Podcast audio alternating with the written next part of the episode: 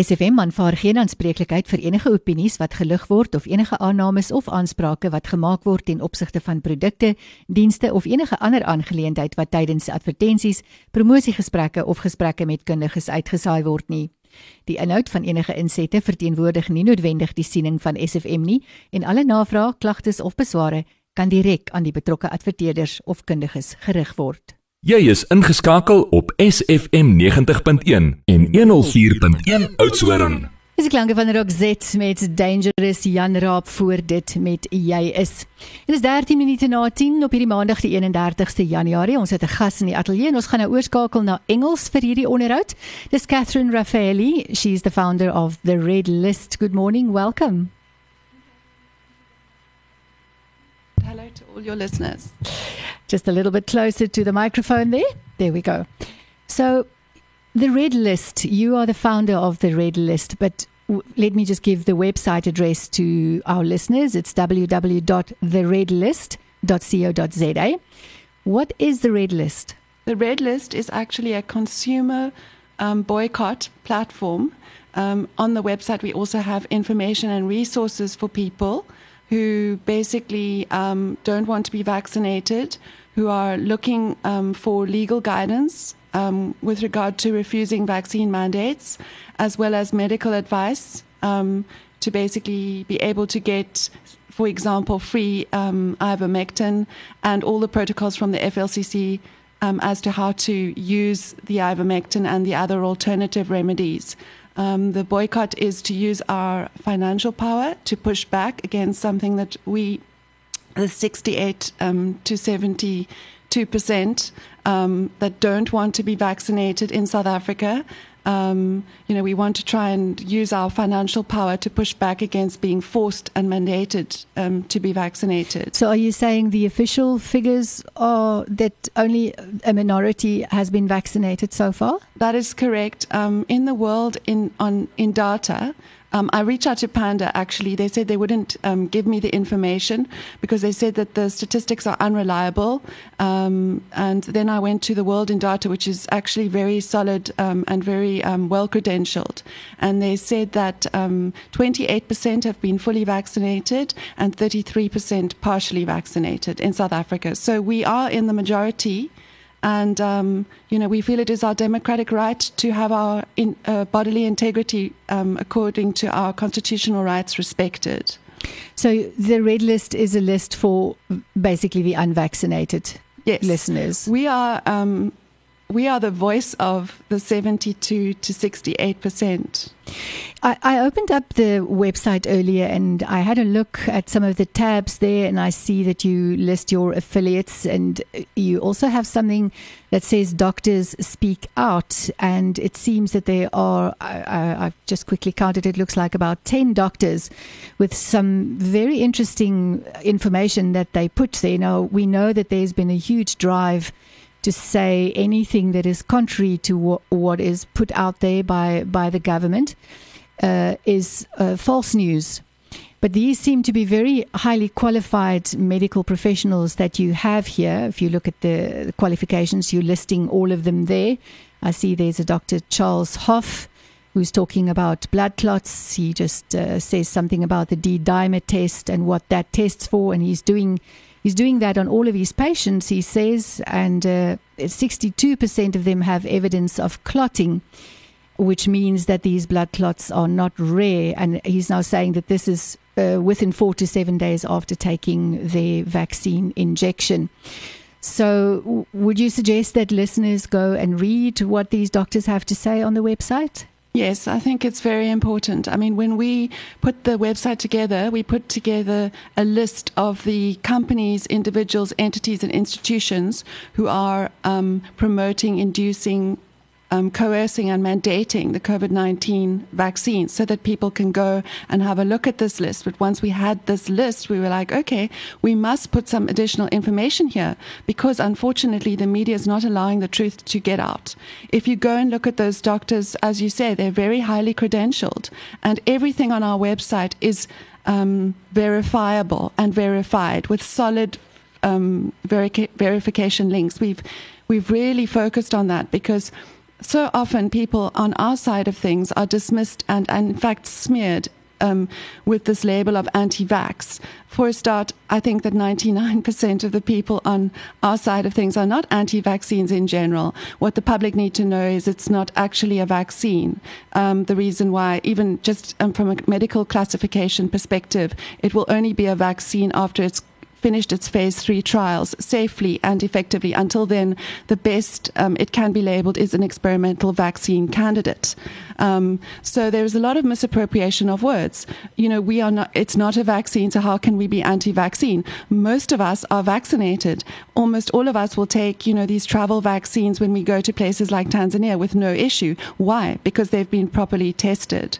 If you look at these doctors, I think you'll find them saying, as, as you said, some very interesting things that people really do need to know about. And it begs the question why is the majority of the media not giving people like myself and these doctors the opportunity to speak out? You know, we wanted the Red List to be a very creditable platform so that people couldn't dismiss us as some fringe crazies. That is unfortunately what what seems to be happening. So there are two sides, and the one side uh, puts their science forward, and the other side they also put their science forward, and it seems that that is considered to be quackery. Yes, and the, the biggest problem is that the two sides are never allowed the opportunity to debate. Mm. So, for example, even my, someone like myself, I can bring a lot of data to a debate, but the other side will never be able to bring any data to compete with my data. And normally they just will shut you down and, you know, even when you are given an opportunity to debate, for example, I went on, I think it was ETV's um, The Great Debate or The Big Debate. I asked Shabir Madhi one simple question. I was the first person to start the debate. I said, please, can you provide scientific proof that these vaccines are safe and effective? Well, my question was not answered. Throughout the next hour, it wasn't answered, even though many of the other panelists tried to support me and raise my question again. They completely ignored me. He can't do it because the safety data testing isn't in. There was an article uh, we we discussed here on SFM a few days ago uh, about uh, in, a, in a medical journal that was published in in England, where they basically said that the data required to make a decision about the efficacy and the safety is not, in fact, available. And uh, we're going to break for music, and then I will just repeat that information to our listeners. So that they can put that into perspective. Is Michael Lind wat gaan musiek maak? Jy het in my hart kom lê. Dis Michael Lind, jy het in my hart kom lê en ons het vir Catherine Raffaelli hier in die ateljee. Sy is die stigter van The Red List en hulle webadres uh, is www.theredlist.co.za. Catherine, just before the music break, I referred to an article that we uh, aired here on SFM a, a week or two ago. It was about an article that was written by the editors of the BMJ, which is a medical journal in in Britain. It was published by the British Medical Association, and basically in that article they said uh, on the website www.bmj.com they said that uh, the data that they require to to make any kind of decision on on the vaccine is not available, and then they refer to the court case where Pfizer asked for 75 years before they will release that data. So it's already been in the courts in America and in other places. And the article really does have a lot of concerning information in that. Uh, the research that that you guys are doing through the medical experts that you are working with, uh, it's is it all medically scientifically based in things like medical journals because that's where you will find mm-hmm. the information that a scientist or a, a medical professor mm-hmm. from uh, any any university would publish their work and their studies. That's right. In fact, there is a lot of information even on the FDA, the CDC, NIH, um, ONS. These are all government um, data platforms, including, by the way, the Vaccine Adverse Events Reporting Schedule, VAERS, and UDRA, the same for Europe, which is basically supporting everything we say. The problem is the media are not bringing this information forward to the public. Um, so it falls to people like ourselves to try and do so. And that is why I'm so grateful for the opportunity to actually reach out, reach out to your listeners to promote the Red List because the Red List is so much more than just um, a list of, of companies which you can boycott, where even there we have endeavored to provide full backup so you can actually see the actual offense, a copy of it. List, you know, we show it on the website. So everything is proven.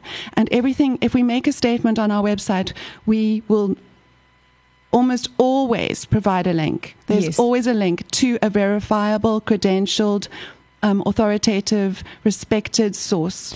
Talking about links, any listener that wants to uh, receive the link that I've just referred to about the BMJ Medical Journal, www.bmj.com, I will send you the full link if you send me a telegram message to 071 7178338. 071 7178338 and I'll send you the link to this full article. So Catherine, there's there's a green list as well. Yes. So I think we South Africans are very constructive people and we like to be positive. We like to do something about a problem. We're resourceful, we're resilient. Um, and um, we basically need both sides to this problem. You know, we need to find a solution, an alternative. So the red list and the green list came out of a parents group, um, a school group um, of parents, and it literally evolved very organically in a five minute period over a conversation. And we realized that there was the need for both. So on the red list, those are the people you report and that you do not support, and the green list are the people that you support because they respect human rights. And there is a button on our website, or else you can go to their their website itself, greenlist.co.za. We are a sister and brother company, um, and we are not um, exactly the same. You know, we're not working together directly, but we are, um, you know, from the same stem. Yes. And we support each other 100%. I see if you if you look at your at your website there is indeed a link to the green list Right. as well. So please support these guys because um, we need to boost them as much as we need to punish the other people, I'm afraid. Very strong words. But it's all about balance. It's about it's about free choice for everybody because you know, I know that our listeners at the moment the ones listening to us some of them are vaccinated, some of them are not vaccinated, and it mm. really is a personal choice because there there is science on the one side and there's science on the other side, and whatever we label each other's mm. versions, mm. uh, in in the end, we each have to stand by what we decide and by the the science that we choose. So it will help a lot if we start respecting each other as well, because there is unfortunately a huge disrespect from the one side towards the other. Yes, it's very true. And it's painful, you know, to experience. I mean, my entire family are vaccinated, including my parents, you know, so for me, this is a, a very uncomfortable situation. Um, and um, I live with this every single day of my life. So I understand exactly what you're talking about. And, you know, we, we, we, we can't be divided. South Africa can't be divided. Um, we, of all countries, are a highly divided society in any event. But the beauty of South Africa is that although we are such a divided society, we do manage to unify and pull together when we have to. And we've got a magical mojo. You know, in this country, you know, we never had a civil war. We never had a bloody revolution. We always win the World Cup when we're not really supposed to. And um, maybe because we are so divided that we, we actually almost are so resourceful and resilient. And somehow when we do get, get together, it's more powerful. It has Um, to be it has to be a situation where you can be vaccinated or unvaccinated and still be okay in the space with with whatever the person next to you decided to do.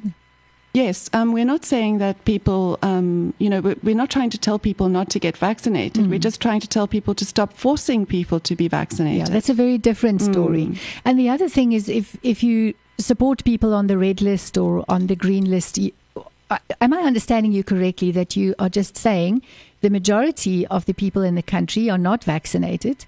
But they are being excluded from a lot of things. You can't now go to a rugby match. Uh, all kinds of things are happening. I, I saw the Klein Karoo Kunstefees. You can't go there unless you're vaccinated. Mm. You couldn't go to the Met unless you're vaccinated. What about it becoming a problem financially for a lot of companies if the majority remain unvaccinated. Yeah, well, it will. And that is the object of the red list, you know, is to take back our power. We have the power. We are the we have the numbers in this country, and mm-hmm. it's a rare privilege in this global um, situation we find ourselves in. Mm-hmm. You know, we have. That's why I say South Africa's got this wonderful mojo. We've mm-hmm. got some funny luck. Yeah. You know, we are always a bit behind the times, and um, in this case, that's helping us because we can look at the rest of the world.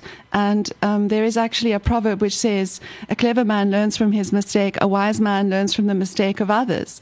You know, another thing we have in this country is, I'm sure it's it's maybe you know, it's obviously my own opinion, but um, I think we have a healthy disrespect for government based on our historical experience, um, which maybe other countries, like, say, for example, Israel and um, uh, England, don't have, you know, because they haven't gone through apartheid um, and even the 25, 26 years since, you know. Let's not mention the State Capture Commission report. Exactly, exactly. So, you know, why we don't necessarily just believe everything our government tells us. Mm. And the other thing that we have in this country is um, a history of um, mass action. You know, if you think about what actually brought about the end of apartheid, you know, it was actually negotiated um, via the trade unions. And um, that was. Instead of a war. That's right. Mm. And um, so I was just, that goes to my point that I made earlier. When South Africans need to, they can be very pragmatic and they can basically mo- they can mobilize. Um, you know, we are people who came here, many of us from other places, um, all across Africa as well as Europe, um, and we came here looking for a better life, and we're not prepared to just accept um, things, you know. And I think that is in our DNA, and I think that shows um, yeah, the in division, a positive way. Division is unfortunately at the moment it seems it's the way that it's going to be for a while until we all learn to live together. But uh, we'll return to the topic just now. We're going to take another break for music, but it seems that the red list is not about division, it's about supporting your side of the story. Yes, um, you know that that is not the issue. As I said, you know, I'm in a family of vaccinated people myself. Mm. It's really just, you know, what options do we have? We're denied access to the media. We are being forced by, say, you know, um, maybe 27% of the people in this country to do something against our will. Mm. Where is the democratic principle in that? You know, the science, I'm afraid to say, um, from where I'm standing, and I'm in the medical industry myself, and I deal with doctors every single day, is not on the side of the 27%. In fact, 63% of South African GPs refused the Sisonke vaccine, and I have that in writing from the government themselves. Now, why was that not brought to the public's attention? Why did those GPs not speak out about their concerns? What were their concerns? Why this was the healthcare workers vaccine? 63% of GPs GPs declined it. I can prove it. I can show you the government communique where it states that. It would be good if you can provide us with that, it's, and then we can share that with our listeners yes. on on our platforms. Yes, we're going to take another break. Uh, music, Backstreet Boys, just what you want to know. Yeah, yeah. And we have a guest in studio. It's Catherine Raphaely. She is the founder of The Red List, www.theredlist.co.za. Lots of interesting information there, Catherine. We just have to quickly talk about legal aspects. We are going to, in the coming week, talk to attorney Pearl Kupe about the legal aspects around the forced vaccination. And I believe that she is also part of the Red List uh, yes. family. She's our legal spokesperson, and we're very lucky and happy to have her on our team. She's she is power. Pearl is power. Catherine, um, just about children getting vaccinated, there there was an uh, an article that Reuters reported on uh, last week. Uh, and they said in that article that Sweden decided not to, uh, how shall we say, uh, not to recommend the use of the COVID 19 uh, vaccination for children between the ages of 5 and 11. And in their statement, the Health Agency of Sweden said that the advantages cannot cancel out the risks. So there's not much more in the particular article around that, but they did add that they say, according to the current knowledge that they have, they don't see any benefit to vaccinate mm. children between the ages of 5 and 11. So what is the the information that you can add when it comes to vaccination of children? Well, children are statistically at zero risk of dying from COVID, number 1. So you are actually putting them at a health risk because the vaccine safety data is absolutely and categorically not available. And it will only be available in 11 years' time mm. because there is no um, you know, vaccine, as I said earlier, until you have completed phase three trials safely and effectively, you need to test for chronic disease. And these trials take between 5, um, 10, and 11 years. So, you know, that is a fact, and nobody can escape that fact. And anybody who says to you that these vaccines are safe, is lying because they can't know what they're talking about. That's basically what was said in the BMJ article, the, the medical British medical journal. Precisely. So, you know, there is no need to vaccinate your children and there is only a risk. We could also go to the government adverse event reporting schedules and we will see that 65,000 people have died from the vaccine. Those are reported deaths. And we know from an FDA report in 2011 that those platforms underreport by as much as 99% because they're unwieldy. And um, we know that in COVID times, this has gone through the roof maybe. It's maybe worse. It's unbelievable to think that it could be worse but it probably is because people are made, made to sign non-disclosure medical doctors are made to sign non-disclosure forms uh, agreements and so on. And they're also just afraid. People are afraid to tell the truth. And that that also begs the question why why are we afraid to tell the truth that is a big question well, you know, I, I, I, must say I have a lot of sympathy sympathy with anybody who does anything because they're worried about losing their job or their mm, profession. Mm. How are they going to feed their families, mm. etc. So let's leave it at this. It seems if we look at the Red List website and we know uh, of the deep division that is out there in the medical medical community, whether this ends up in the news bulletins or not. It seems that there are doctors who don't agree. There are doctors, medical professionals who do not want to take the vaccination for reasons that they support with their science. So we have two sets of science, and then we have the accusations flying around. So it, we're going to have to make do with the best that we can. We're each going to have to make our decision on the science that we accept and then move forward from that particular point of view. Talking about the legal aspects, uh, you also have assistance for people who are in this predicament where they're going to lose their jobs if they don't get vaccinated. That's right. So um, we obviously realize that we need to support people who are um, in this situation, and we have step by step how to refuse a vaccine mandate. Um, it walks you through every step um, of the way. It provides forms to the CCMA that um, you can download and fill in. It gives you the email addresses of the South African. Um, Human Rights Council where you can report. It is literally a step by step, and then at the end, it provides you with letters that you can, you know, um, print and um, give to your employers um, so that you are completely protected with regard to the procedure. And I think that people will be shocked, and hopefully some of the employers as well. I mean, we can always live in hope. Maybe they might step down once they see our letter, which invokes every single important law we have in this country to protect us. You know, our constitution is a new constitution, and that is an advantage that South Africa has. You know, um, it's not an old world country here. You know, our constitution was born of historical struggles and human rights abuses, and um, we need to empower, you know, this, the 68 um, percent or whatever we are, the 77 percent or who, whoever. I mean, even that statistic doesn't take into consideration the foreign nationals that live in this country, who I know a large proportion of them also don't want to be vaccinated um, to, to, give them their knowledge about our constitutional rights, um, to to, to strengthen them, strengthen their resolve, and also give them the tools to push back. They need to make their employers aware of these facts. Uh, Catherine, you said that there's a lot of assistance for people. I see on your website if there's a tab that says legal, there's one that says medical, one about doctors speaking out, one about the green list, uh, the red list, how to take action and you know the credentials of all the people on on the website but then there is one that says legal and under that i see some very interesting additional tabs that talk about uh, the travel for the unvaccinated, how to refuse a vaccine mandate, your rights and the law being set out, your right to informed consent, which is one of the big issues that the unvaccinated people have.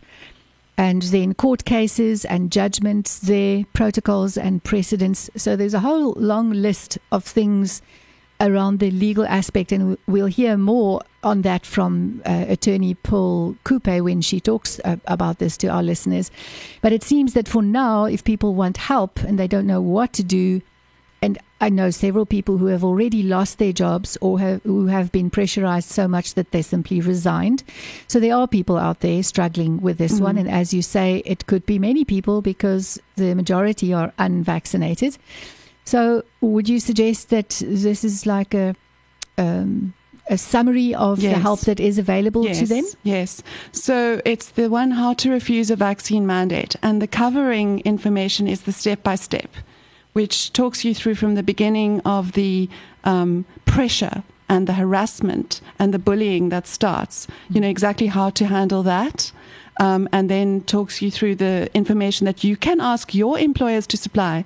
And you'll find most of these employers have not followed the proper procedures, even according to the guidance from the Department of Labor. And by the way, the, the guidance from the Department of Labor does not allow them to impose vaccine mandates. It actually provides for you to decline it. So this is, I mean, there are many things in that guidance that I think people will find extremely reassuring, refreshing, and enlightening. And um, I basically went to all the different um, bits of information that I could find and consolidated them into one document. Mm-hmm. And I think that any employer that um, still carries on with this, when they're confronted with all the laws, South African laws, that are supposed to protect the employees, mm-hmm. and goes ahead with this, it, it, it, you could say that the letter at the end is actually a notice of liability as well as a cease and desist, so which in fact it is. There is no, not yet any law in South Africa that allows anybody, uh, or in, you know, can you believe it? Tell, tells it's, an employer to That is right. It. it. doesn't provide for them to mandate. Mm. It doesn't provide for you to be mandated. And, um, you know, even something like the PCR test, I must emphasize this. The PCR test should be declined on precisely the same basis as the vaccines. There is no long term safety testing data available for the PCR test. It is an internal procedure. You are basically putting your bodies at risk by taking a PCR test, even. And PCR tests are being used as an instrument of coercion. Isn't it true that the WHO's, I think it was in June last year, they already said that the PCR test should, in fact, and it, uh, that was on their website, that it should not be used for asymptomatic testing. The, the FDA actually said they're going to withdraw it um, in June of 2021 by December 2021. Why are we still using a defective test? The test that was invented by Kary Mullis, who got a Nobel Prize for actually inventing it, and he said it should never be used to test for infectious disease. It is completely unsuited because of the amplification cycles. If you go up above 25%, uh, 25 times amplification cycles, you are going to find inside a molecule everything you want to find, which could be also dead strands of COVID uh, coronavirus, which means you're not infectious. There's never been an asymptomatic virus. This is how they prove an asymptomatic virus exists because they're proving it via a faulty fact. It's not. It's a fraud. It seems there is a lot of information out there, and it's up to our listeners to read what they can, where they can find it, and whatever sources they feel comfortable with. Uh, the website www.theredlist.co.za and anybody who wants links to the two articles that I have referred to the one about the Swedish Health Agency around uh, the vaccination of children, and the other one about the British uh, Medical Journal. You're welcome to send me a telegram message on 071 717 and I will provide you with the direct links to those two articles. Catherine, thank you very much for all the effort that you are putting in for, as you say, the 72% people out there without a voice at this particular point in time. And I hope you have a safe journey back. Thank you so much.